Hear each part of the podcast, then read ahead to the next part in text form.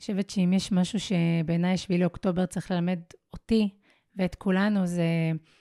ביום-יום אנחנו מופעלים מכפתורים, אני מופעלת מכפתורים. ואני חושבת שהשביעי לאוקטובר קייל פה בזוועת עולם, אחת גדולה, את כל הכפתורים של כולם, ו... והלוואי ונצליח אה, גם כתודעה ישראלית, וגם כתודעה יהודית, וגם כתודעה אנושית במדינה הזאת, רגע, לא ללחוץ על הכפתורים, ומיד להיות באיזה מלחמה, ושנייה לשהות גם, הולכת להגיד משהו קשה, לפעמים גם בתוך קושי, או בתוך זוועה, או בתוך כאב, אה, צריך לשהות כדי להצליח לעבור.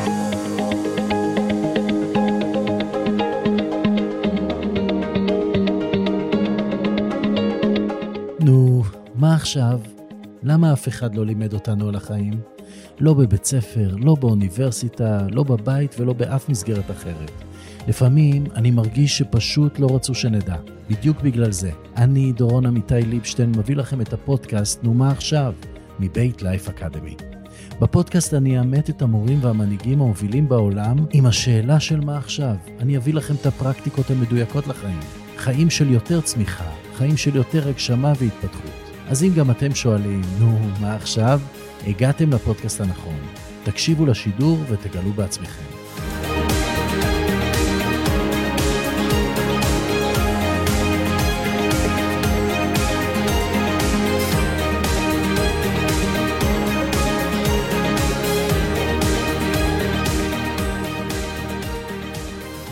ליאת רוקח זמרוני, איזה כיף שאת פה.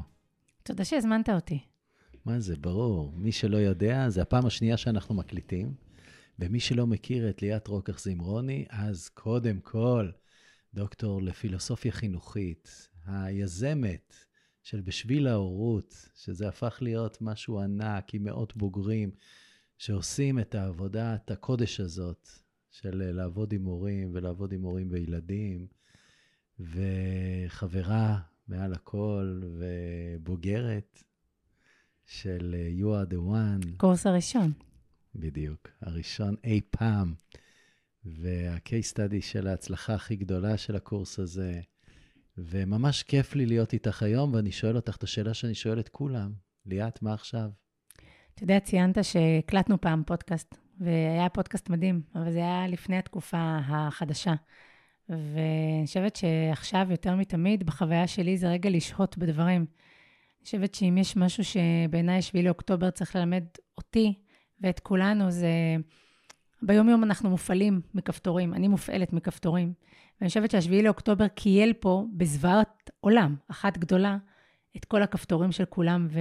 והלוואי ונצליח אה, גם כתודעה ישראלית, וגם כתודעה יהודית, וגם כתודעה אנושית במדינה הזאת, רגע, לא ללחוץ על הכפתורים, ומיד להיות באיזה מלחמה, ושנייה לשהות גם אני הולכת להגיד משהו קשה. לפעמים גם בתוך קושי, או בתוך זוועה, או בתוך כאב, אה, צריך לשהות כדי להצליח לעבור אותו. אה, ואני מרגישה שזה מה שעכשיו. אני אתן דימוי קצר ואני אתן לך לזוז הלאה. כשעושים מכונת כביסה לבנה, כשעושים הרתחה, אני כילדה אהבתי מאוד להסתכל על המכונה, כי אם אתם מסתכלים במכונת כביסה, יש שלב בהשריה שזה שחור משחור, שזה אפור, שזה נראה ג'יפה, המים מטונפים, סליחה. ובסוף הכביסה יוצאת לבנה כשלג. ואני מרגישה, כישראלית, כאימא, כאדם, כבעלת עסק, you name it, שאנחנו עכשיו בתוך המים המגעילים של המכונת כביסה הלבנה שלנו. מה שאני מקבל מזה זה, זה הרבה אופטימיות ותקווה.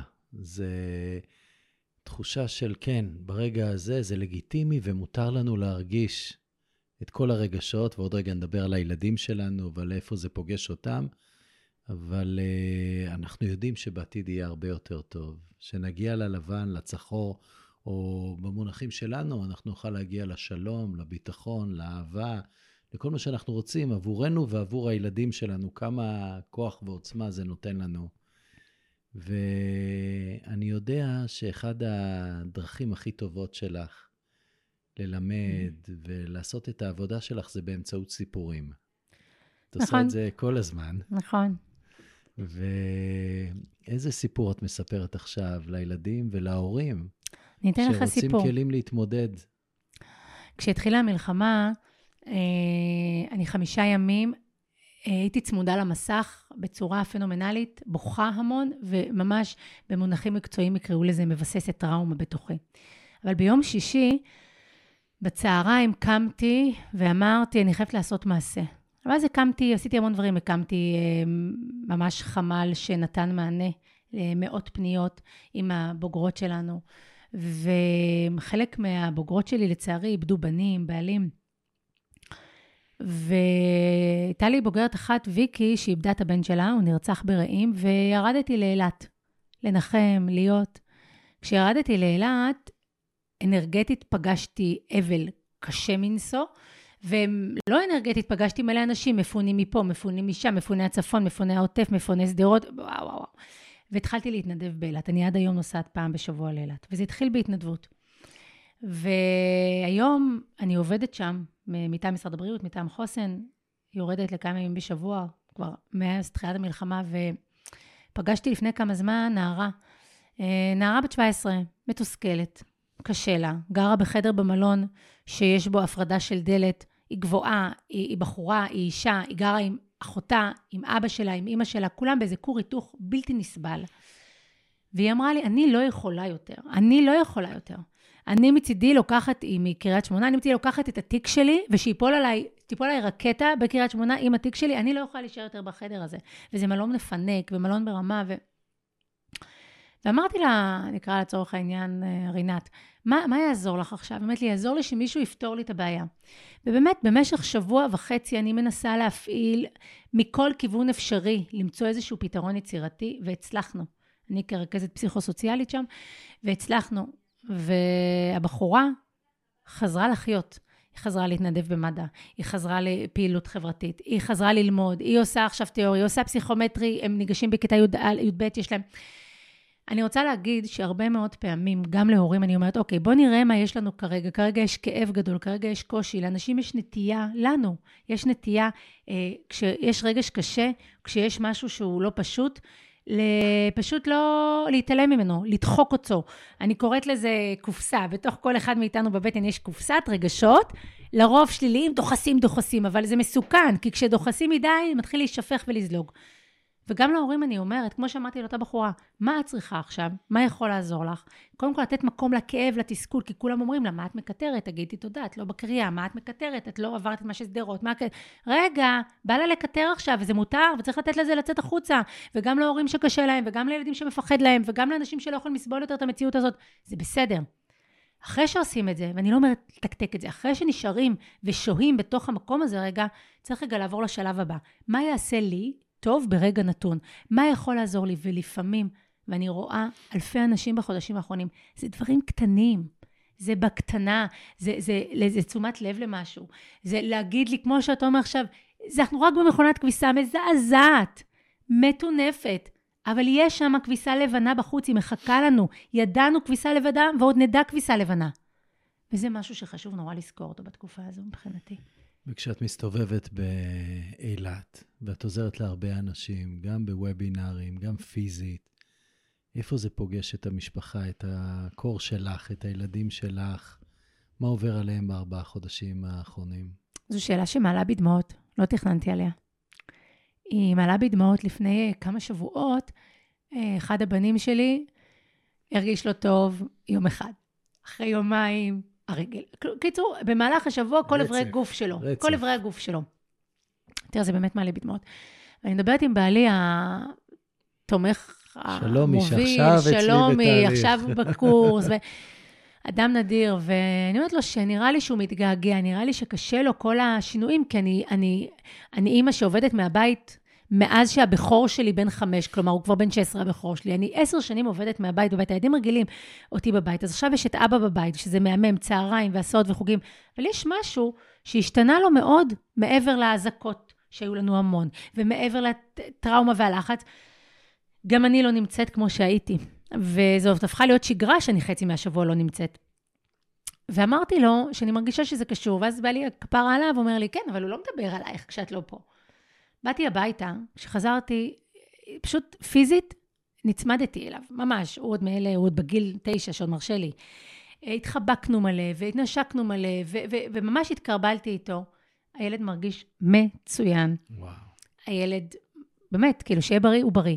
עכשיו, בבית אחר, או אחר מבחינת פחות מודעות, לא שאני כל כך מיוחדת, יכול להגיד, אוקיי, כואב לך, אז בוא אני אתן לך משהו, או כואב לך להגיד לו, זה שום דבר, זה כלום, זה שטויות, או כואב לו ולהגיד לו. וכשאני באתי הביתה, אמרתי לו, אתה יודע, שמתי לב שהשבוע אתה היית הרוב היה שבוע בבית, ופעם כאבה לך הרגל, ופעם הבטן, ופעם הראש והאוזן, ומה, באמת, כל חלקי הגוף. אמרתי לו, ואני מרגישה שיכול להיות שפשוט התגעגעת, שיכול להיות שפשוט קשה לך, שיכול להיות שמשהו לא נראה לך בסיטואציה החדשה של המשפחה. ואז הוא סיפר לי על משהו שקרה בכלל בכדורגל, בלי קשר לכאורה לאימא שלו, גם באופן ישיר בלי קשר אליי, אבל זה פתח פתח. וזה משהו שאני רוצה להגיד, הרבה מאוד פעמים אנחנו כהורים, שצריכים ללכת לעבודה, שצריכים לעמוד בציפיות, שצריך למלא כל מיני דברים, משימות, ו... עוברים על הדרך על עצמנו, ועוברים על הדרך עם הילדים שלנו. וכשהילד שלי מאותת לי, אני לא כל הזמן מצליחה, אבל כשהילד שלי מאותת לי, אז אני מבקשת מעצמי ברגעים מסוימים לעצור ולשמוע, לשאול את עצמי מה שם לא, מה הוא מנסה להגיד לי. והוא ניסה לספר לי סיפור בכלל מעולם אחר שקרה בבית ספר לפני כמה ימים. אבל השיח הזה, והלגיטימציה, ל, אני מבינה, אני רואה שמשהו קורה לך. הלכנו, בדקנו את האוזן, בדקנו את הרגל, בדקנו את כל הגוף, הכל לתקן. אז מה בכל אופן קורה שם? עכשיו, הרבה מאוד פעמים במשפחה אנחנו לא מורגלים לשיח רגשי. כן. ואם אמרתי שאנחנו דוחסים רגשות שליליים, אנחנו גם לא מורגלים, או קשה לנו לדבר או לשמוע בוודאי רגש שלילי של אחד מהילדים שלנו. כי אנחנו מיד, הכפתור שדיברתי עליו בהתחלה מיד עובד, ואז אני מיד רוצה להטיח במישהו, לכעוס על מישהו, להגיד למישהו, לשנות את מישהו, להיכנס במישהו, לעשות משהו. ולפעמים לשהות עם הדבר, שהוא לא פשוט. אתה פגשת אותי הבוקר, יש לי משהו עכשיו לא פשוט בכלל.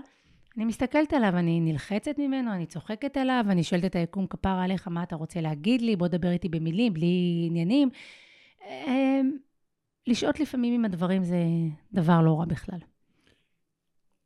וכשאנחנו מסתכלים על באמת מאות אלפי משפחות, מאות אלפי אנשים, probably לפחות מאה אלף משפחות, שמפונים מהדרום ומפונים מהצפון, והחבר'ה בצפון לא רואים את הסוף, ואנחנו יודעים שזה יוצר המון המון המון התפוצצויות, והם לא רואים את עצמם בקרוב חוזרים הביתה. איך אפשר להתמודד עם השינוי הזה, שקודם גרנו בבית עם ארבעה, חמישה חדרים, פתאום אנחנו גרים בחדר או גג שניים, ואנחנו רחוקים מהבית, רחוקים מכל ההרגלים, הכל השתנה, ההורים לא יכולים לעבוד כי אי אפשר. אתה יודע, אני פוגשת אנשים, אני פוגשת אנשים שירדו מהצפון, שהם רגילים בנוף ירוק, mm-hmm. הם בנוף מדבר. כן. אפילו אף אחד כאילו לא נתן את הדעת על הדבר הזה. אני פוגשת אנשים שהם רגילים לעבוד, אה, גברים, נשים שיוצאים לעבודה, חוזרים לעבודה, רגילים לנהל סדר יום. הרבה מהם לא יכולים לצאת לעבוד כרגע, והסדר יום שלהם מאוד מאוד השתנה, והפוקוס הפך להיות כור היתוך בבית, בתוך חדר במלון, וזה באמת מאוד מאוד מאתגר. אין אה, פה איזה נוסחת קסם. ופה אני חושבת שסוגיית התודעה שלנו כבני אדם היא המשמעותית. יש שיגידו כמוני, ובטח אולי גם אתה תסכים, שהתודעה תמיד בסוף אה, היא הגורם הכי משמעותי. כי היה את התקופת, אה, אתה יודע, בשלבי אבל, גם אם שלא נדע, אף אחד לא נפטר, גם בשלבי אבל יש שלבים. אז צריך לפעמים להקל ולהבין ולהיות בתוך הדבר. ויש שלב מסוים בחיי כל אדם, צריך להגיד, אוקיי, כרגע זו המציאות, כרגע עם זה אני נפגשת, כרגע אני באילת, כרגע אני נמצאת בסיטואציה הזו, כרגע אני לא יכולה ללכת לעבודה, אין בעיה. מה אני יכולה לעשות כן. ואני מגלה, יש אנשים שעושים קורס מלגזות, יש אנשים שמתחילו ללמוד על סאפ, יש אנשים שלמדו לצלול שם, יש אנשים שמתחילים להתנדב בכל מיני דברים, יש אנשים שעשו קורס לאקג'לי, כלומר, אני פשוט כרכזת פסיכוסוציאלית של הדבר הזה, אז אני, אה, המון המון קורסים, כלומר, בסופו של דבר, המציאות, אני לא כל כך יכולה להשפיע עליה באופן ישיר, והיא מתסכלת והיא קשה. אני אומרת, מהנוף שהעיניים רגילות לראות ירוק, רואות מדבר, מהמם בעיניי. מדבר וים זה שלמות, אבל זה עדיין נוף בצבע בעיניים אחר. התודעה שלי כאדם, זה מקום הבחירה המקסימלי שלי. שם יש לי השפעה מאוד מאוד גדולה כאדם. והרבה מאוד פעמים קשה לנו להסכים עם זה, קשה לנו לראות עם זה, בטח אם לא באנו מעולם התפתחות או מעולם מודעות, והמציאות הקשה נכפתה עלינו. ולפעמים נכפים עלינו הדברים האלה כדי לעורר איזה משהו בתוכנו. זה חלק מהעבודה שלי שם ביום-יום.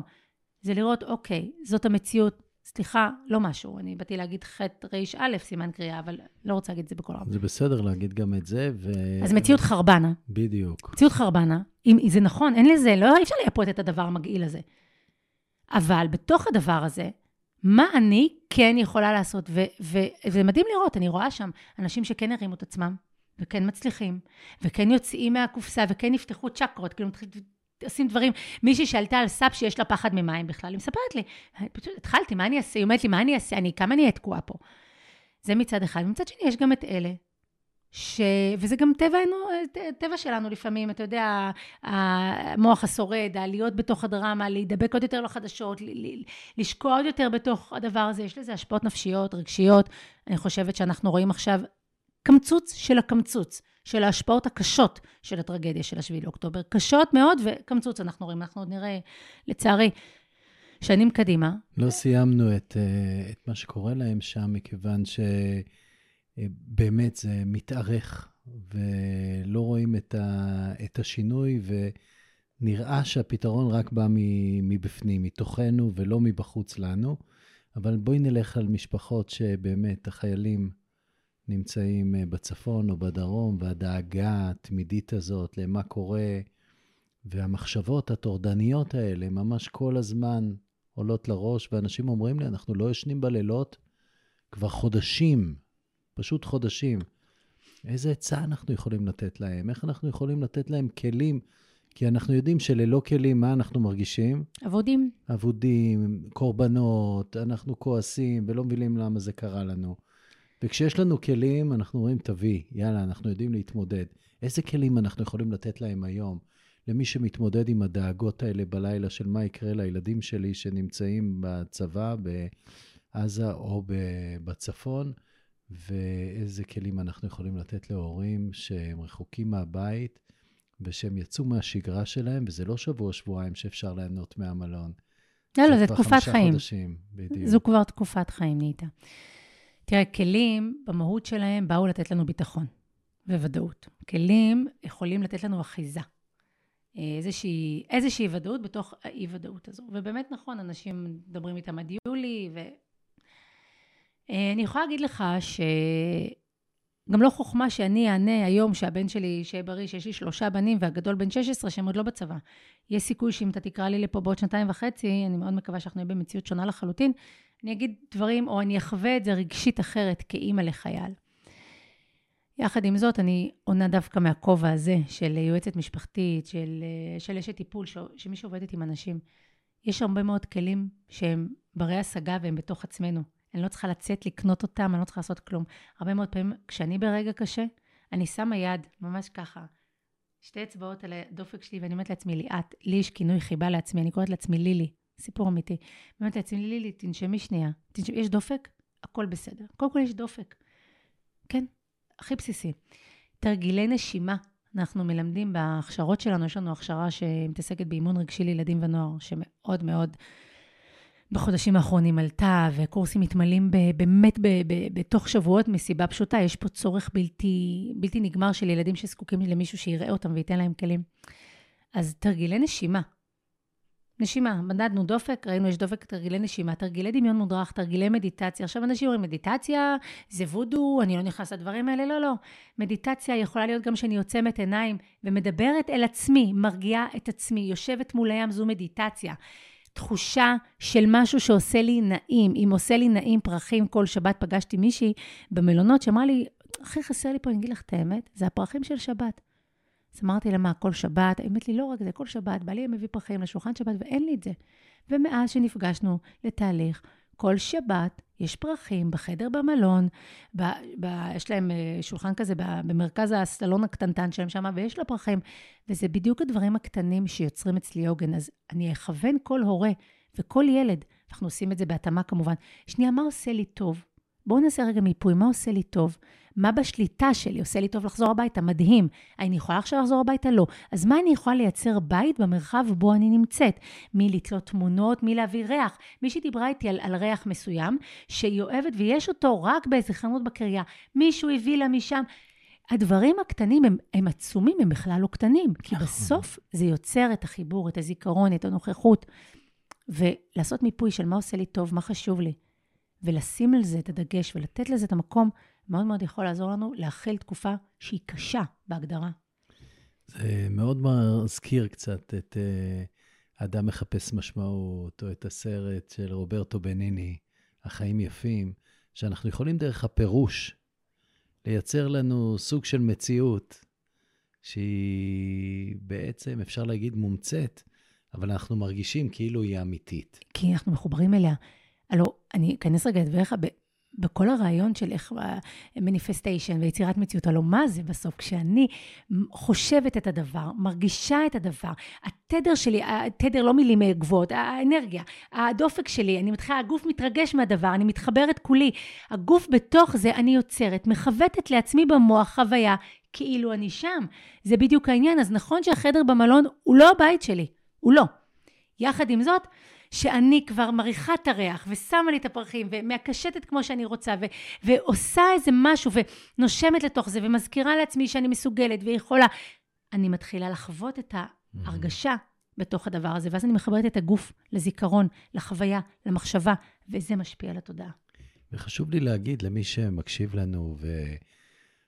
או שהוא, יש לו משפחה שהיא כרגע במעבר אה, כזה מהצפון או מהדרום, שאצלי במשפחה אני ראיתי דברים אחרים. זאת אומרת, ורד, ביום שבו יצאו מכפר עזה ואני באתי לאסוף אותם, אה, ביקשה להגיע לאחותה. שבוע אחרי זה, עוד בתוך השבעה, היא שכרה בית והיא הקימה בית מסודר לילדים שלה. היא כל יום לוקחת אותם לקיבוץ, אה, שפיים, והם חלק מהקהילה והם חלק מהכל, אבל יש להם את הבית, את העוגן. כל שבוע הם מארחים או את המשפחה או את החברים מהקיבוץ אצלהם בבית, ואני רואה יותר ויותר משפחות כאלה שקיבלו החלטה, וזה בידיים שלהם. בחירה. זאת אומרת, יש את התקציב, בחירה. להקים להם בית, אפילו זמני, לשכור בית, זה לפעמים במחירים יותר זולים מאשר הבית מלון, ולהגיד, התקופה הזמנית הזאת יכולה להיות גם חוויה למשפחה. אתם יודעים, כמו שנוסעים לחו"ל לאיזה תקופה ועושים שנה מחוץ לחיים, או שעושים רילוקיישן uh, uh, כזה לעבודה בחו"ל, אפשר לעשות רילוקיישן למרכז או לכל מקום אחר שאנחנו בוחרים, ולייצר לנו סביבה אחרת. זה בידיים שלנו. זאת אומרת, אנחנו יכולים להיות כאלה שמחכים שמישהו יוציא אותנו מהמלון, mm. ואנחנו יכולים להיות אלה שמוציאים את עצמנו מהסביבה הזאת, בייחוד בערים שעברו. את יודעת, עיר שלמה, שלומי או כל מיני ערים כאלה, שמונה, שאת לא רגילה ל, ל, לקיבוץ ולקהילה, את יכולה טיפה להתרחק, אבל גם פה, בשפיים העברתי 12 אה, משפחות לבניין שלי, שנמצא בהרצליה, והם נמצאים איתנו, בבוקר נוסעים לקיבוץ, בערב חוזרים הביתה, אבל יש להם איזה בית. אתה יודע, אתה נוגע פה בנקודה שאנחנו לא שמים אותה בפרונט, אבל זאת נקודה, הסאבטקסט של מה שנאמר, אה, זה גם כמה קל לי עם שינוי. עכשיו, יש סוגי אנשים שונים, ויש אנשים שמעדיפים שהשינוי יקרה להם, ויש אנשים שמעדיפים לקחת אחריות על חייהם ולהוביל, ויש אנשים שמעדיפים כשהשינוי קרה להם לכעוס עליו, לכאוב אותו, לבכות עליו, ויש כאלה שמעדיפים לקחת אותו קדימה ולראות מה יוצא לי מזה. צריך לזכור שבסיטואציה דנן, אה, אצלנו אנשי הטיפול אומרים שהפרוטוקולים נכתבים as we speak. כלומר, זאת סיטואציה שלא הייתה לא בארץ וגם לא בעולם, והפרוטוקולים הטיפוליים אפילו נכתבים בעודנו מדברים. וצריך לזכור שבסיטואציה הספציפית הזו קרה פה דבר על דבר, כי אנחנו, אתה מדבר על שינוי, ואנחנו, ואני בעצמי אומרת, בוא, תבחרו. אבל אנחנו אומרים, האנשים האלה נכפה עליהם שינוי, פיזי, הוא נכפה עליהם כבר. בעצם אנחנו באים ואומרים להם, מציעים, אוקיי, אז אם לא טוב במלון, אם לא טוב זה בואו נייצר, נכפה על עצמנו עוד שינוי, ונבחר לצאת מהקהילה המלונאית או הקיבוצית ונעבור לבית שיהיה לנו עוגן, ביטחון, ודאות, איזה ארבע קירות שלנו עם המשפחה ומרחב נשימה, ונלך לתהליך החברתי, אם זה בקהילה פה ואם זה בקהילה פה, וזה נכון על פניו, ויחד עם זאת צריך לזכור שזה שינוי על שינוי. אנחנו מצפים עכשיו, אני לא אגיד רק אנשים מפותחים, בעלי מודעות עצמית גבוהה יכולים, לא. אבל אני כן אגיד שרק אנשים שיש להם מספיק אה, גם trust בעצמם וגם trust בסביבה, וגם אה, היכולת, יש לנו במוח כל אחד עם הגמישות שלו לשינויים. יש לנו מוח גמיש יותר, מוח גמיש פחות, אנחנו אנשים שונים, אז כל אחד יש לו תגובה אחרת לשינוי, וגם זה משהו שצריך לזכור אותו. נכון. כל מה שאני רוצה זה לפתוח יותר ויותר אפשרויות. אתם יודעים, בצמיחה יש לנו את ה-O, כל האפשרויות, ויש אין סוף אפשרויות, ולהיות מוכנים לראות עוד אופציות, להסכים, אם לא בול. טוב לנו להסכים. במציאות הקיימת. ואני רוצה לשאול אותך, לפני אה, ארבע שנים, ארבע וחצי שנים, כשנפגשנו, היית מוכרת, והיית בעשייה, והיית בטלוויזיה, ועסקת המון המון בפעילויות, ואז אה, עברת, מה שנקרא, להוויה, לביינג, לפשוט להיות, והבוקר ככה דיברנו על זה שקיבלת החלטה בניגוד לכל המלצות האנשים האחרים, להיכנס לשיתוף פעולה, באמת, שהוא הדבר הכי מואר שיש לך בשיתופי הפעולה, ולהוסיף שותף לעסק, וזה מינף והגדיל את העסק ממש פי עשר ואפילו יותר. איך מקבלים החלטה כזאת, לעשות שינוי כזה, של אה, ממצב של אני מוכרת בזכות עצמי ויש לי 100% בביזנס שלי, להתחבר עם מישהו בשביל להגדיל את העסק ולקחת את הסיכון של אני לא מכירה אותו, אבל אני מקשיבה לאינטואיציה שלי. אתה יודע, אני יכולה לספר סיפור נורא רומנטי ויפה על איך זה קרה, אבל האמת, זה לא היה רומנטי וזה לא היה יפה. אני הייתי בקושי גדול.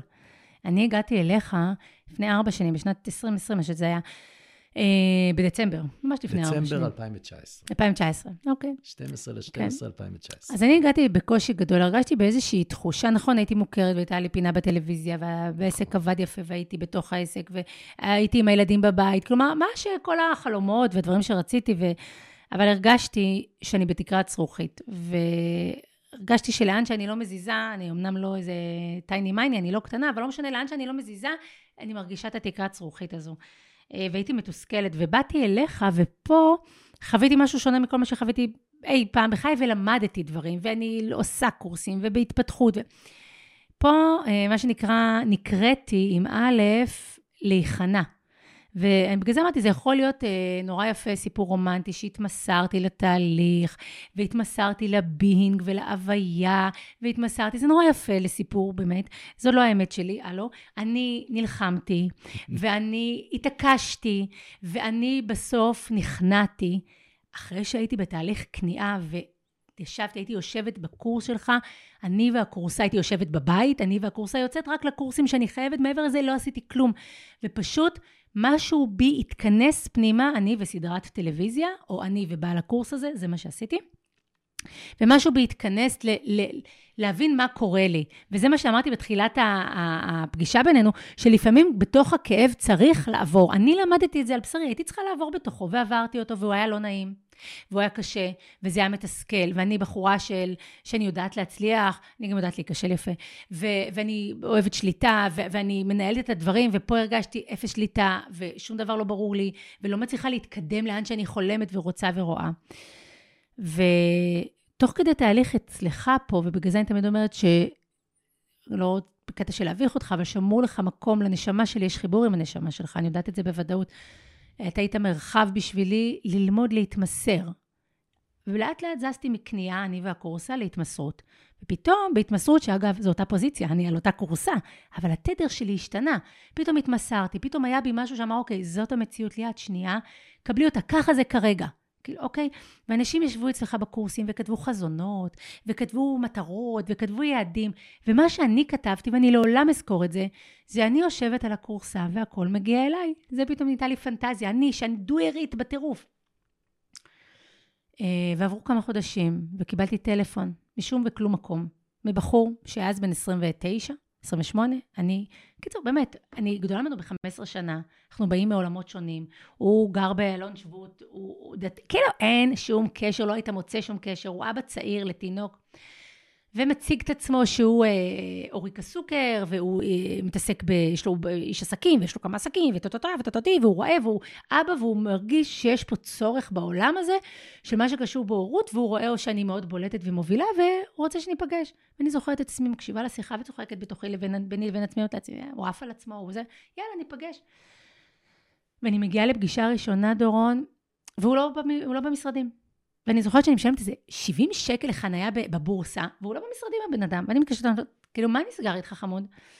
והוא אומר לי, לא מאמין, זה, המזכירה, לא זה, אני מגיע, חכי. ואז הוא נכנס, ופתח את הדלת, ואנחנו כמו, ש... מי שיגיד שאני עכשיו רוחניקית לחלוטין, אז תתכוננו, כמו שתי נשמות שלא נפגשו גלגול שלם, התחבקנו, לא דיברנו עסקים, הוא ביטל את הפגישה אחריי ואחריי, נשארתי שעות אצלו, על החיים, על המשפחות, על הכל חוץ מעסקים. היה לי ברור, יצאתי משם בידיעה ברורה שזה הדבר. עכשיו, אני פותחת פה סוגריים מאוד גדולים.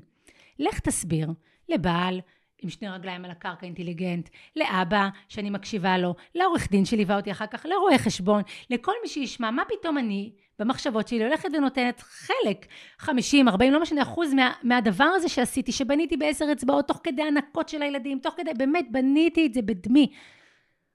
נותנת מהדבר הזה למישהו, רק כי תחושת הבטן שלי מרגישה לי שהוא מוכר לי מאיפשהו. ולכן זו הייתה החלטה שאם לא הייתי עוברת בתוך הקושי והכניעה סלש התמסרות עם הזמן הרומנטית, לא הייתי כנראה יכולה להיות קשובה לחלוטין לעצמי פנימה. ועשיתי את זה.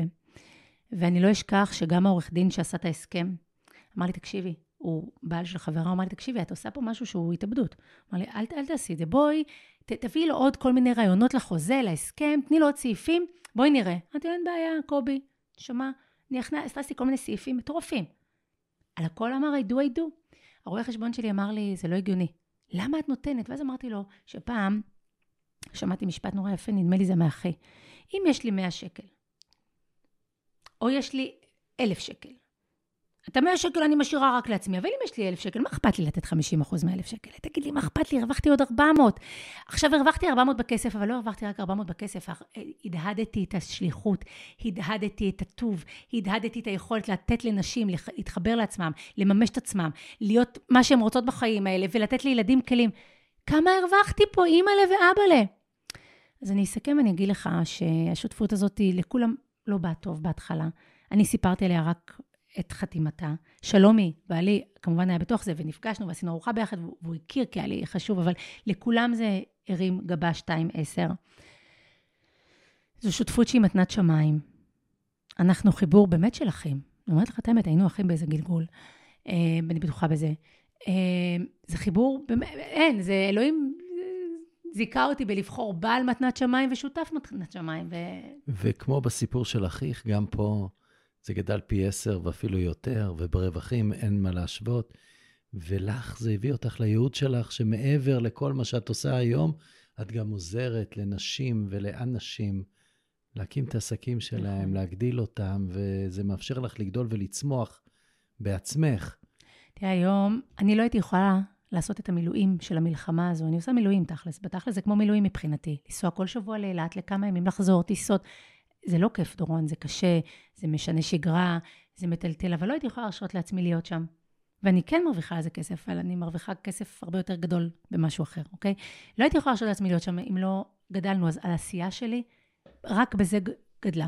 יש לנו צוות של מעל 20 מדריכות, אנחנו עושות טוב. כל זה קרה כי אני הקשבתי והתמסרתי והייתי מוכנה לעבור בתוך הכאב, וגם להודות אני לא יכולה לבד, היי, hey, תקרת זכוכית לא זזה, מה שאני לא מנסה.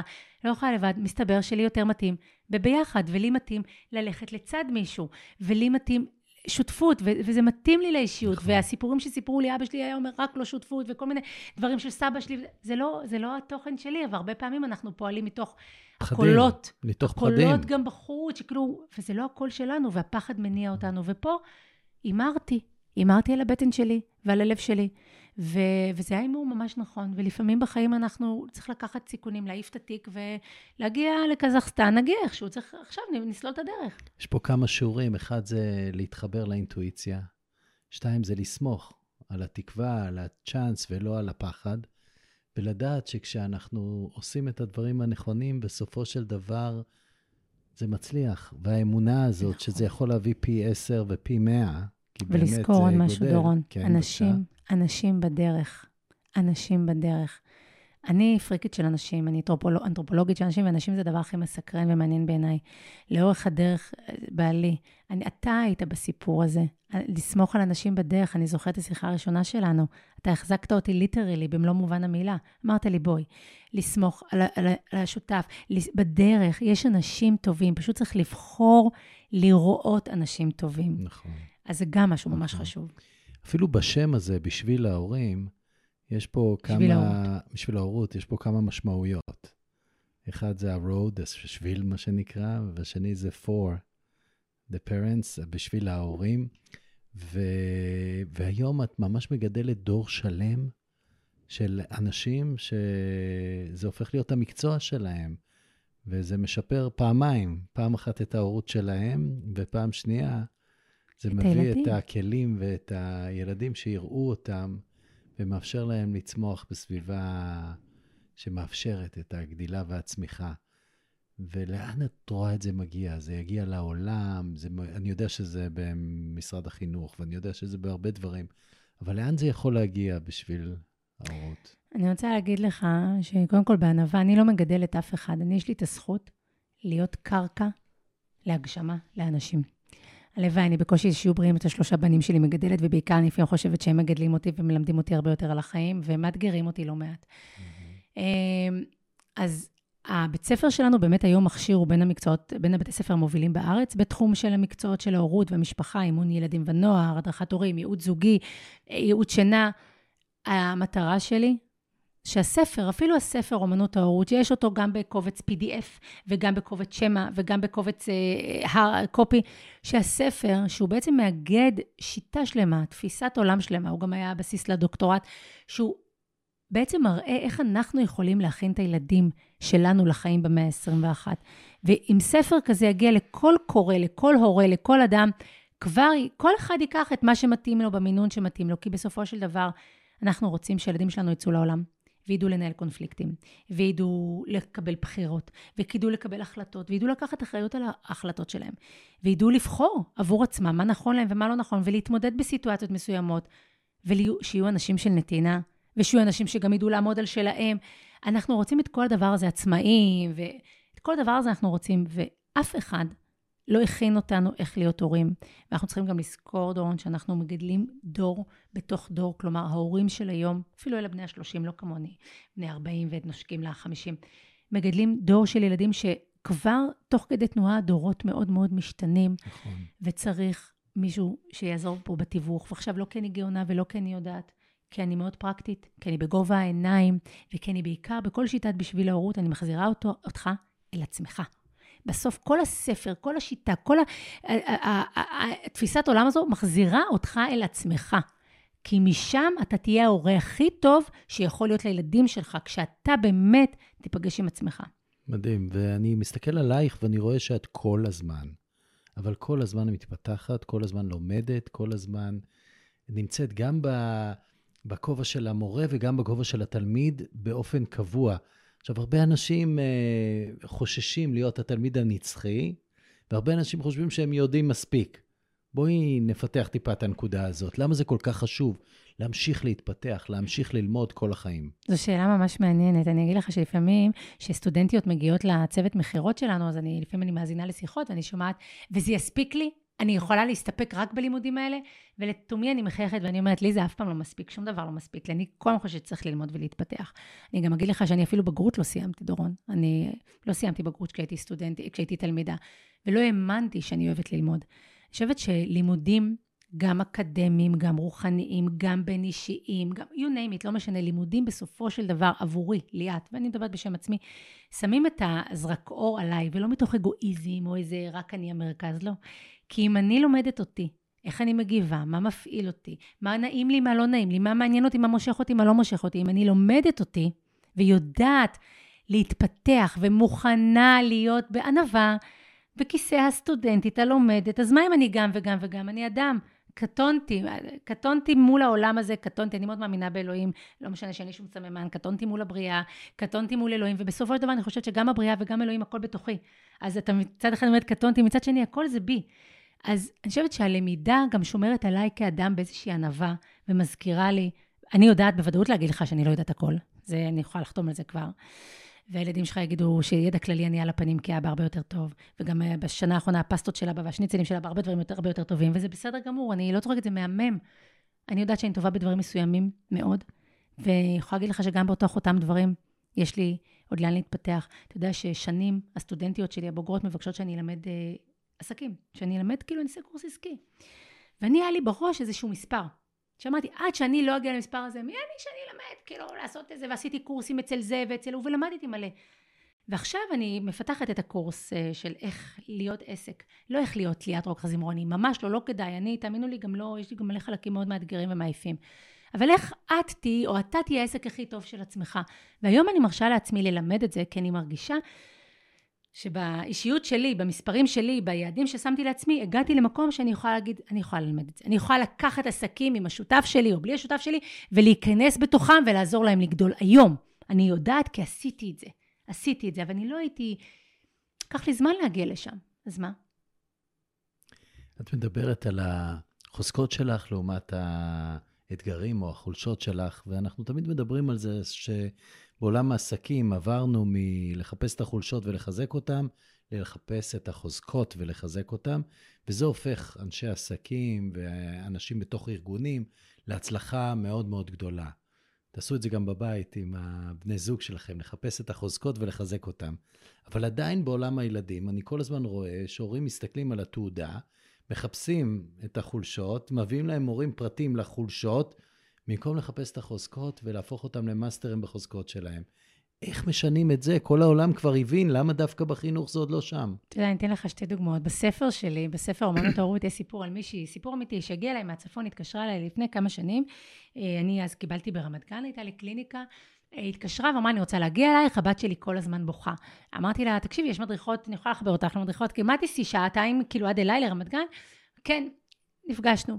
פגשתי אישה מקסימה ומתוסכלת, שהבת שלה כל הזמן בוכה, אמרת לי, אין, היא כל הזמן בוכה. ואני זוכרת שאמרתי לה, רגע, תגידי, בשעה, ב, ביממה יש 24 שעות, בשעה יש 60 דקות, בדקה יש 60 שניות, ככה. התחלנו לעשות חישוב, אמרתי לה, אנחנו מדברות פה על 144 אלף שניות. רוצה להגיד לי ש-144 אלף שניות ביממה היא בוכה והיא מסתכלת עליי, ואני אמרתי לעצמי, בטח אומרת לה, זאת מטומטמת אותי, ומה פתאום אני משלמת לה כסף ובאתי עד אליה. אומרת לי, לא, נו, ברור שהיא לא בוכה, היא עונה לי כזה 144 אלף שניות וטה טה טה. אמרתי, אז בואי שנייה נסתכל, תספרי לי על היום. ופתאום התחילה לספר על היום בפריזמה שונה.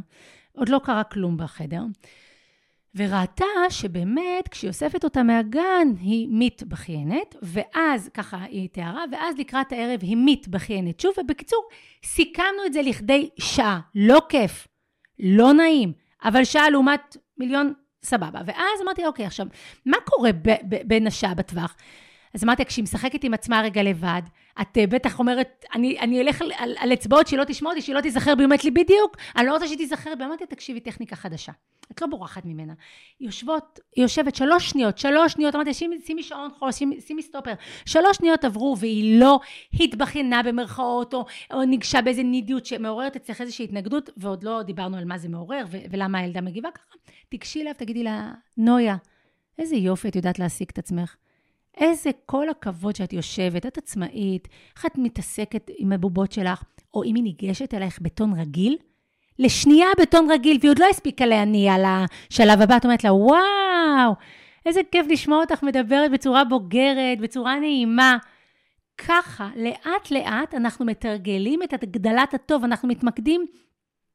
כשהבנים שלי היו קטנים, הם לא היו אוספים את הצעצועים, דורון. שיחקו במשאיות וזה, ואני הייתי יושבת איתם, משחקים, ואת אומרת, וואו, איזה יופי, כל הכבוד שהם אוספים.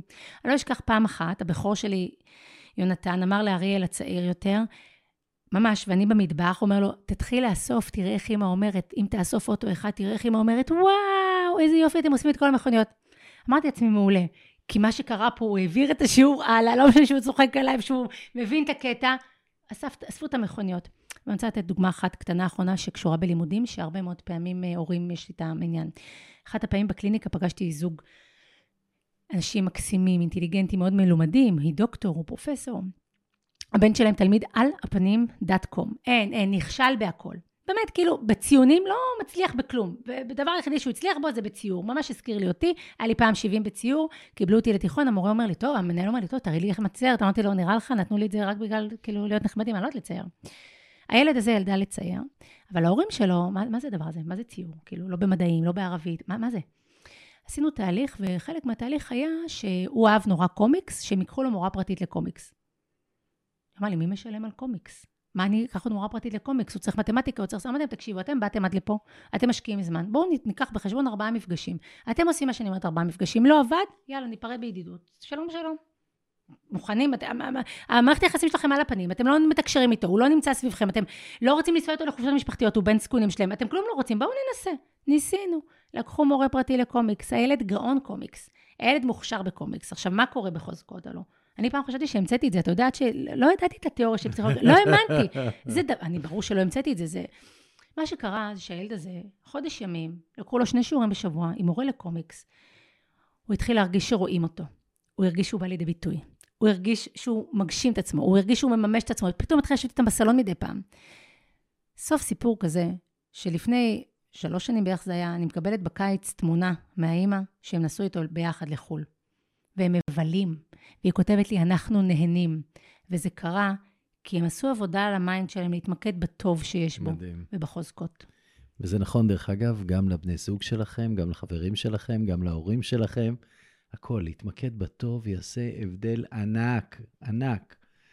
וזה מוביל אותנו באמת אה, לחפש את הטוב בכל מה שקורה. ואני שואל אותך, ליאת, אה, קצת זרעת לנו את מה mm. הולך להיות בעתיד שלנו כמדינה ושלך כבן אדם. זאת אומרת, אה, בשביל, בשביל ההורות אנחנו עוברים ל... בשביל העסקים? אה, יש חברה שנקראת אה, דוקטור זמרוני רוקח, יזמות בעם. ויזמות חינוכית, יזמות עסקית, זה משהו שמאוד מאוד מעניין אותי. אני אוהבת מספרים, המורה למתמטיקה שלי בטח מתהפכת במיטתה ברגעים אלו ממש, היא בטח נחת צהריים, כי היא לא הייתה נחמדה. אז אני מקווה שהיא ישנה עכשיו. אמ, ובאמת אה, המקום הזה של אה, למצוא עסקים שאני מאמינה בהם בלב, שהבטן שלי אומרת לי, יש שם משהו, שאני מאמינה באנשים שנמצאים בסביב העסק הזה, ולעזור להם ולאפשר להם להוציא את השליחות שלהם בצורה הרבה יותר גדולה, החוצה, ושאני אקח בזה חלק. כי אני היום... שוב, שנים אמרו לי מסביב, את באה עם קבלות, היום אני אומרת שאני באה עם קבלות, ואם אני אומרת שאני באה עם קבלות, אז מבחינתי זה מספיק טוב לצאת עם זה החוצה. ותשימו לב לרעיון של הייעוד. מה שאני הכי רציתי שיבואו יעשו לי, אני עכשיו עושה לאחרים. בזכות באמת ההתמסרות שלך, ובזכות הנוכחות שלך, ובזכות האמונה שלך בשיתופי פעולה ובמינוף, את עושה את אותו דבר שעשו איתך, לאחרים. עכשיו לאחרים.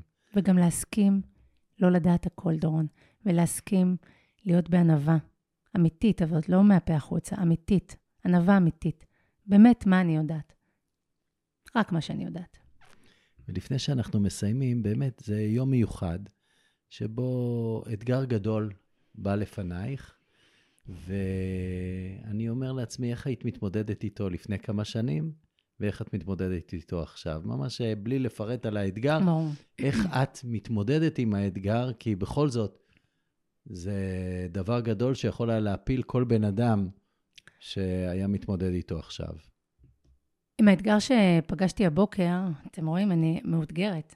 לא נראית לכם כרגע, אבל... אה, full בנתינה, full כן. בהתלהבות, full בנוכחות, ועדיין זה אחד הימים הקשים כן. מבחינה מקצועית ומבחינת אתגרים. כן. Uh, אני חושבת שפעם הייתי תגובתית מאוד מאוד מאוד. אני חושבת שבתחילת, כשהאתגר הגיע פתאום ופגשתי אותו בטלפון, זה התחיל לי ככה, התגובתיות בי עלתה. אבל אז אמרתי לעצמי, ליאת, שנייה, את נושמת, את בסדר, הכל בסדר, מה שנקרא, יש דופק, שנייה, שנייה, לא עשית שום דבר, הכל בסדר. וגם הטיפול באירוע הזה הוא בדיוק מאותו מקום. עכשיו, אני לא אגיד לך שזה לא מטלטל אותי או מערער אותי, או אני לא מבינה אפילו מהי, לא, לא, מה השיעור שלי בלפגוש תכלית רוע. יש לי שם שיעור כנראה, ברור, אחרת זה לא מגיע. אבל אני מסתכלת, כלומר, אני גם בתוך זה פועלת, שואלת, מבררת, עושה את הבדיקות המיינסטרימיות או המקצועיות שצריך לעשות, ועדיין, בתוך הדבר הזה, אני מסתכלת. ממש פתחת חמ"ל, הפעלת את כל האנשים נכון. הנכונים, התייעצת עם האנשים הנכונים, והרבה עבדת על ה-state of mind שלך, כי נכון. ידעת שאם אני הולכת בעמדת הלמה זה קורה לי, אז אני רק מביאה יותר מזה, ואם אני ב-state of mind של זה בא לפתחני, ואת ממש שואלת מה השיעור. אני, אני שומע לידך. אותך מהבוקר שואלת מה השיעור שלי. לידך. זאת אומרת, לוקחת אחריות מלאה על האירוע, ואומרת, אני הולכת לגדול ממנו, אני הולכת לצמוח ממנו. אני ממש פניתי ליקומון. כן. אמרתי, תגיד, אתה לידך זה, אוקיי, מה אתה רוצה? בוא דבר איתי במילים, תגיד לי. אני מוכנה לקחת, ובמקביל, כמו שאתה אומר, אני עושה את הפעולות שצריך. כלומר, אני לא יושבת שנטי בנטי, נגיד עכשיו רוחנית, סליחה על שאני עושה את זה ככה, כי אנשים תופסים את זה פעמים מעולם הרוח, שאתה כאילו, אני רק סומכת. אני סומכת, אבל אני גם עושה פעולות, אני מתייעצת, אני בודקת, אני רואה שמבחינת מסמכים, הכל מסודר, הכל בסדר, הכל תקין, ומתייעצת ובודקת, אבל גם בודקת מה קורה פה. מבחינתי זה ממש הבידואינג.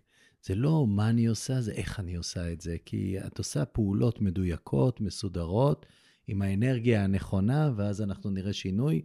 ואני אומר, ראיתי, זכיתי לראות אנשים שעמדו בדיוק בסיטואציה הזאת, ספציפית עם האנשים האלה, ויצאו מזה נקיים, צחורים, וללא כל פגע. זאת אומרת, זה מאוד אפשרי, דרך התגובה שלנו משפיעה לחלוטין על התוצאה. וכולנו צריכים ללמוד עם זה ומזה, כמו שאמרנו קודם. החיים זה רצף של אתגרים. הם באים, לא יעזור כלום. ברגע הזה לכולכם, אבל אני אומר לכולכם, כולל לי, כולל לך, יש אתגר באיזשהו תחום. כרגע דיברנו על האתגר שלך. זה יכול להיות בהורות, בזוגיות, בבריאות, בכסף, בקריירה, או בכל תחום אחר. או בהכל ביחד גם. או בהכל ביחד. וכל השאלה היא, האם אספנו כלים לאורך השנים, ואנחנו יכולים להתמודד, ואם כן, אז אנחנו אומרים, תביא, יש לי את היכולת. העובדה שאת היום יכולה להתמודד עם כזה אתגר, מראה על הצמיחה והגדילה שלך, או... בוא נלך ללמוד כלים, דורון. בדיוק. בוא נלך ללמוד, ואני בסדר להגיד, אוקיי, עם זה. אני לא יודעת להתמודד, לזה אין לי כוחות, זה לא שמעתי, זה לא ידעתי, בוא נלך ללמוד. יש היום שפע, באמת משהו פנומנלי, מדהים, יש מהכל. רק נפתח ונבחר להתפתח. כי האופציה השנייה זה להיות קורבנות, האופציה השנייה זה לקטר, האופציה השנייה זה לקוות שמישהו אחר יפתור לי את הבעיה, ותתעוררו. זה ברוב המקרים לא קורה. אז זה נכון לכל מה שאנחנו עוברים בתקופה הזאת, ואני רוצה להגיד לך תודה.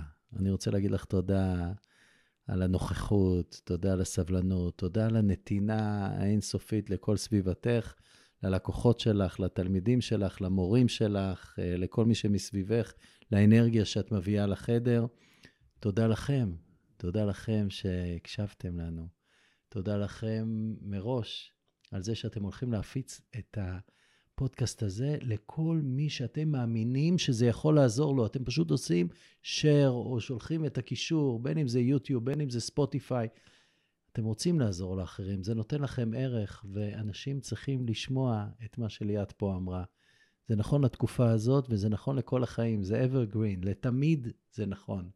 אז אני אומר לכם תודה מראש, תשתפו, אהבתם, תספרו לאנשים על הפודקאסט הזה ועל ליאת, ואנחנו עושים פה כישורים, ומי שמרגיש שזה יכול להועיל לו בשינוי מקצועי, בשביל ההורות, קדימה. מי שרוצה את הטיפים להורות שלו, הנה הספר של ליאת, נשים פה את כל הכישורים. ומי שמרגיש שליאת בדיוק זה מה שהוא צריך לעסק שלו, הנה ההזדמנות לקבל מליאת גם עצות וגם אה, אה, ליווי וכלים לצמיחה עסקית. אז תודה רבה לכם, תודה רבה לך, ליאת. תודה רבה. אני רוצה להגיד שעשיית הטוב, בסופו של דבר זה מגביר אושר. אז אם בן אדם רוצה להיות מאושר יותר, שיעשה טוב למישהו אחר. ואני רוצה גם להגיד לך באופן אישי, בכל הזדמנות אני אמצא אותה ואקח אותה בשתי ידיים, להגיד לך תודה על הנשמה שאתה במרחב חיים שלי כאן ועכשיו. לי זה עשה המון. אה, ומי שהאזין ולקח משהו, אני יצאתי בשכרי. אז תודה. איזה כיף. זה השליחות שלך, תודה רבה.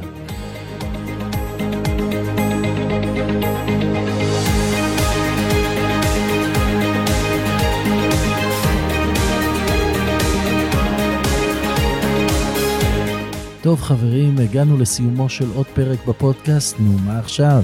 במידה וקיבלתם ערך מהפרק הזה, עזרו לנו להפיץ את הבשורה. שתפו לפחות חבר אחד שיכול ליהנות מהערך הזה. בכל פרק מצורפות לכם שלושת הפרקטיקות עליהן דיברנו בפרק. צאו ויישמו, כי להקשיב בלי להתאמן ולממש, זה לא ממש עובד.